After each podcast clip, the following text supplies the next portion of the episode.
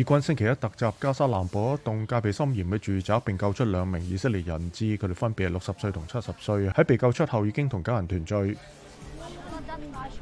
加沙南部城镇拉法嘅医院官员话，以军嘅空袭造成最少五十人死亡。喺医院嘅美联社记者证实咗呢个数字。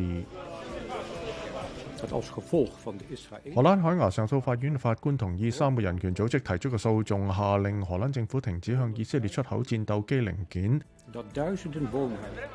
芬蘭前總理斯塔布以百分之五十一點六對百分之四十八點四嘅選票結果擊敗前外長哈維斯托。